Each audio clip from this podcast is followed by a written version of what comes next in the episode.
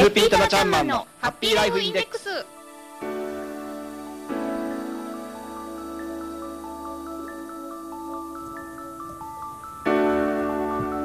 タナちゃんマンのハッピーライフインデックス。この時間はあなたの夢と未来をトータルサポートするライフサポート有限会社の提供でお送りします。私たちと一緒に明るい未来幸せな生活になるためのマネーライフを考えてみませんか？番組では皆様からの疑問質問も受け付けています。宛先は hama アットマーク p-wave.ne.jp ハマアットマーク p-wave.ne.jp です。あなたからの質問もお待ちしています。さあそれでは早速一級ファイナンシャルプランニング技能士ライフサポート有限会社代表のタナちゃんマンをお呼びしましょう。タナちゃんマン。はいこんにちは。棚橋です。今日のテーマを早速教えてください。はい今日はですね、えー、先週引き続きまして、えー、お金の色分けということでね、えー、今日は特に、えー、管理編ということで、えー、お金の管理していきましょうということをお話ししていきたいと思います。はい先週から始まりましたこの番組なんですけれどもね、はい、あのタナちゃんマンの本当に分かりやすい説明で私もねマネーに関してすごく興味とあこういうことしなきゃいけないなというのが気持ちが湧いてきました。ありがとうございます。さて先週からの、えー、お金の色分けシリーズとして今日は、はい、お金の管理方法、はい、これをテーマなんですが、はい、管理方法と言われても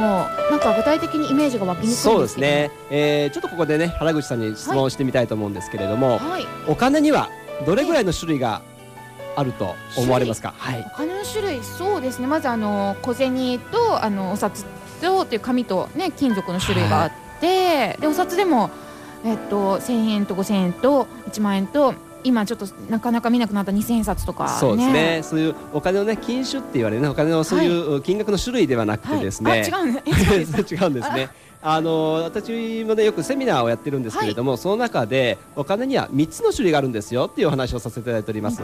はい。と言いますと？そうですね。お金の3つの種類大きく分けて3つの種類なんですけれども、まず1つ目が、えー、使うお金。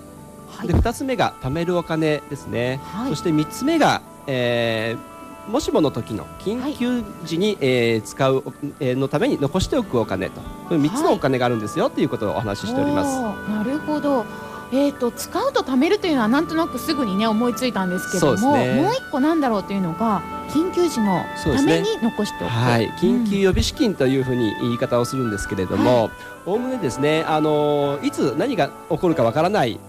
と思いますので、ね、急にねあの、うん、交通事故を起こされたりだとか、はい、えー、入院をされたりだとかね、はい、えー、いう緊急時っていうのがのためにですね、はい、もしものためにお金は残しとくお金も必要なんですよっていうことなんですね。あなるほど、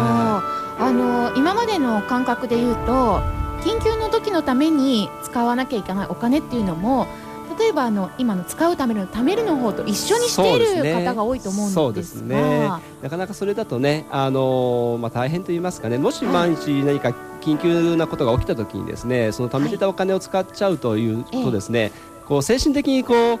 せっかく貯めたのにとかですねこうまたまたまた不安になっちゃうと思うんですよね。そうならないためにも、はい、やはりその目的別にあのお金を使い分けるということが必要なんじゃないかなというふうに思います。貯めるの中でその2つにきっちりと分けておくんですね。だから中間的なものですよね。はい、あの緊急の時には使うんですが、普段は使わないお金ですので、はい、貯めておきながら使って得るお金という意味でねその使うお金と貯めるお金の中間的なものっていうのも一つ準備する必要があるんですよっていうことですね。なるほど。そうですよね。その心の不安が増加してしまうっていうこともやっぱりねそうですね。幸せな未来生活のためには良くないですしね。そうですね。うん、はい。ではその分けておいて3種類あるということは分かったんですけども、それ具体的にこう何か方法とかそうですね。方法ありますはい。えー、まあ方法と言いますか、まあ具体的にはですね、えー、じゃあどれぐらい必要なのかっていうご質問もねよくいただくんですけれども、おおむねあの半年分ぐらいの生活費とのね半年分ぐらいはあのご準備くださいということでは一般的に言われております。ああなるほど。はい。まあ最低でも3か月分以上ですね、まあ、できれば1年ぐらい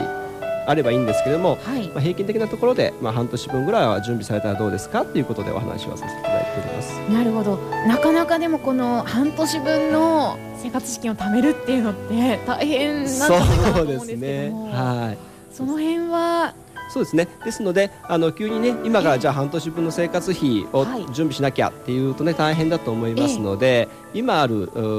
預貯金の中からじゃあはい。どれだけをこうその緊急予備資金として、えー入れ分けしましょうだとか、えー今その分けるね、まあ現預金がそこまでないわっていうことでしたら、例えば、はい。えー他にどういう金融金融資産を持っていらっしゃるのか、しっかりね、はい。あの把握いただいて、例えば生命保険持っていらっしゃれば、はい。生命保険の解約をされた時に解約返礼金って戻ってくるお金があるんですけれども、はいそういう活用の仕方だとかですね、うんあのーいろいろありますので、はい今どういう資産状況で持っていらっしゃるのかっていうのを把握されればですね、はい準備ができるんじゃないかなというふうに思います。なるほどまずは分けてそして、えー把握しておいて分けてそこから、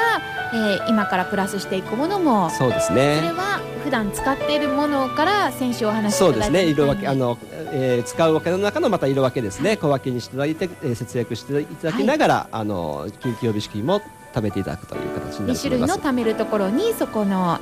の余分余分に分けたものからこうそうですねここも分けて入れておくということですね。はい。はい。なるほどそのようにやはり管理するときに曖昧ではなくてきちんと分そうですねけることが大事なんですね。そうですね。それが一番大事かと思います。うんはいなるほど今日もとても勉強になりましたああり。がとうございます。やはりあのきちんとね私もこのように分けるっていうことがなかなかできていなかったので具体的にタナちゃんマンのような方からねこうお話を聞くと なるほどと思ってすごく